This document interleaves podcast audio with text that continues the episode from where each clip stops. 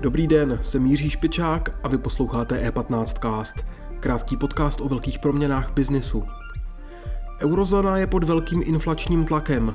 Jak se bude situace vyvíjet příští rok? Můžeme už vyhlížet konec růstu inflace? A do čeho investovat, když jsou nemovitosti i akcie drahé? O tom se v dalším díle E15 castu bavil Nikita Poljakov se zakladatelem rokovej blockchain fundu a investorem Viktorem Fischerem. Nejprve ale krátké zprávy. Akcionáři ropné společnosti Royal Dutch Shell schválili návrh na přesunutí sídla firmy z Nizozemska do Velké Británie. Shell tak z Nizozemska přestěhuje i svůj daňový domicil. Z názvu společnosti zmizí přídomek odkazující na Nizozemské království. Záměr už dříve vyvolal nevoli vlády. Americký internetový obchod Amazon investuje v tuzemsku do expanze svého cloudu Amazon Web Services. Největší globální cloud se přímo utká s Microsoftem a jeho technologií Azure. Amazon už na českém trhu založil oficiální pobočku a najal první zaměstnance. Evropská komise zveřejnila návrh nového zákona. Na jeho základě mají být pracovníkům rozvážkových online platform, jako je Uber Eats, britská Deliveroo nebo německá Delivery Hero, na území Evropské unie přiznána zaměstnanecká práva. Kurýři tak získají nárok na minimální mzdu, placenou dovolenou, nemocenskou, pojištění a další běžné výhody. Další zprávy najdete na e15.cz. Teď je čas na rozhovor Nikity Poliakova. A teď už tu vítám Viktora Fischera, zakladatele rokovej blockchain fondu a investora. Viktore, dobrý den. Dobrý den. Nedávno jsem četl článek eh, asi z roku 2020 na Forbesu, kde jste eh, říkal, že asi není úplně dobrý výhodný držet velké množství hotovosti. Když se podíváme na to, co se dneska děje na trhu, eh, to, co jste říkal před rokem a půl, se asi tak z desetinásob bylo. Není to tak? Áno, je to tak. Mňa veľmi prekvapila ešte vtedy, pred, to bolo presne pred rokom, myslím, obálka Forbesu, ktorá hovorila cash is king. Ale už vtedy nám bolo jasné, že tá inflácia určite nebude 3%, čo, čo vlastne cielili centrálne banky. Aktuálne vidíme, že, že inflácia je uh, nejakých 7, 6, 7%. Ja si myslím, že dokonca je aj 20, možno aj 40% v niektorých segmentoch. A tak, takže to určite platí. Mm-hmm. Když se podíváme na, řekněme, na situaci, a ani ne na českém trhu, eh, ta, ta eurozóna teď ne, eh, taky je docela pod velkým inflačním tlakem. Kam myslíte, že se bude situace vyvíjet příští rok? Vidíte tam nějaký eh, konec toho růstu? No ja si myslím, že sme úplne, úplne v novom svete. A, a ten aktuálny finančný svet je, je niečo, čo som, čo som ešte nevidel. Akože je to... A dnes ľudia majú problémy, investori majú problémy s tým, kde budú vlastne alokovať cash, ktorý si držali z nejakého dôvodu, možno kvôli titulke Forbesu. Mm-hmm, mm-hmm. Je... Majú reálne problém alokovať, alokovať cash, pretože bankové účty, my, naši investori sú zo Švajčiarska, platia minus 0,75% interest rate na, na bankovom účte. Reálne nevedia, kde majú dávať, kde majú, kde majú investovať.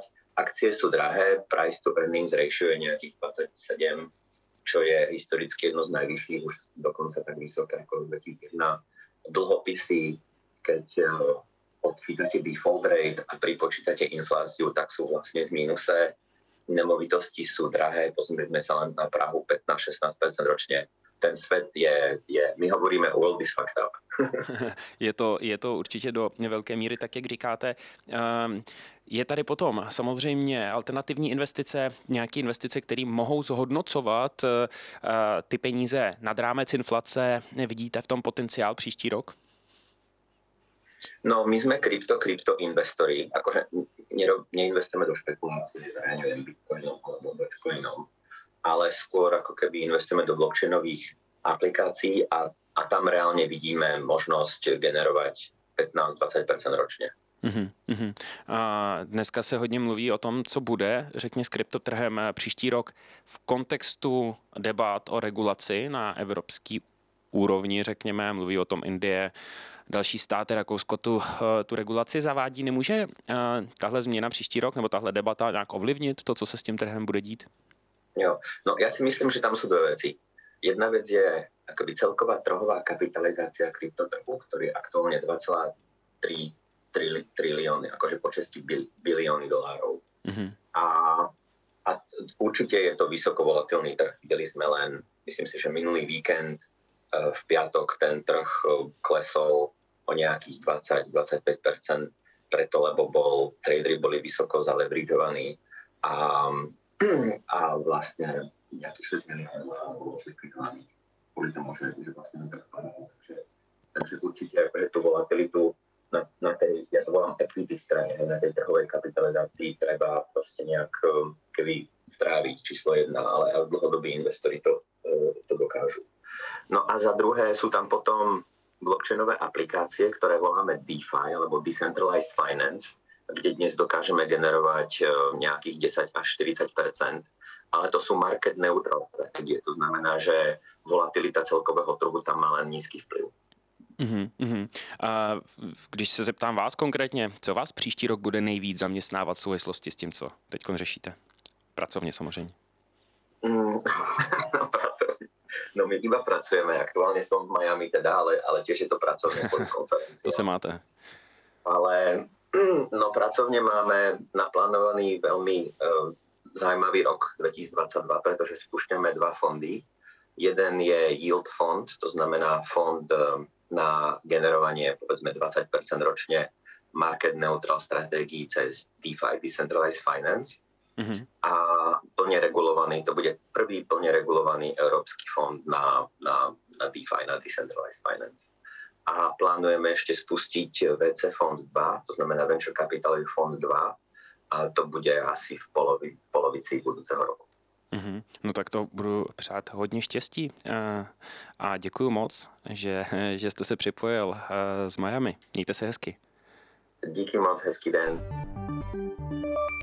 Díky za pozornost. E15cast můžete poslouchat každé všední ráno ve vaší oblíbené podcastové aplikaci.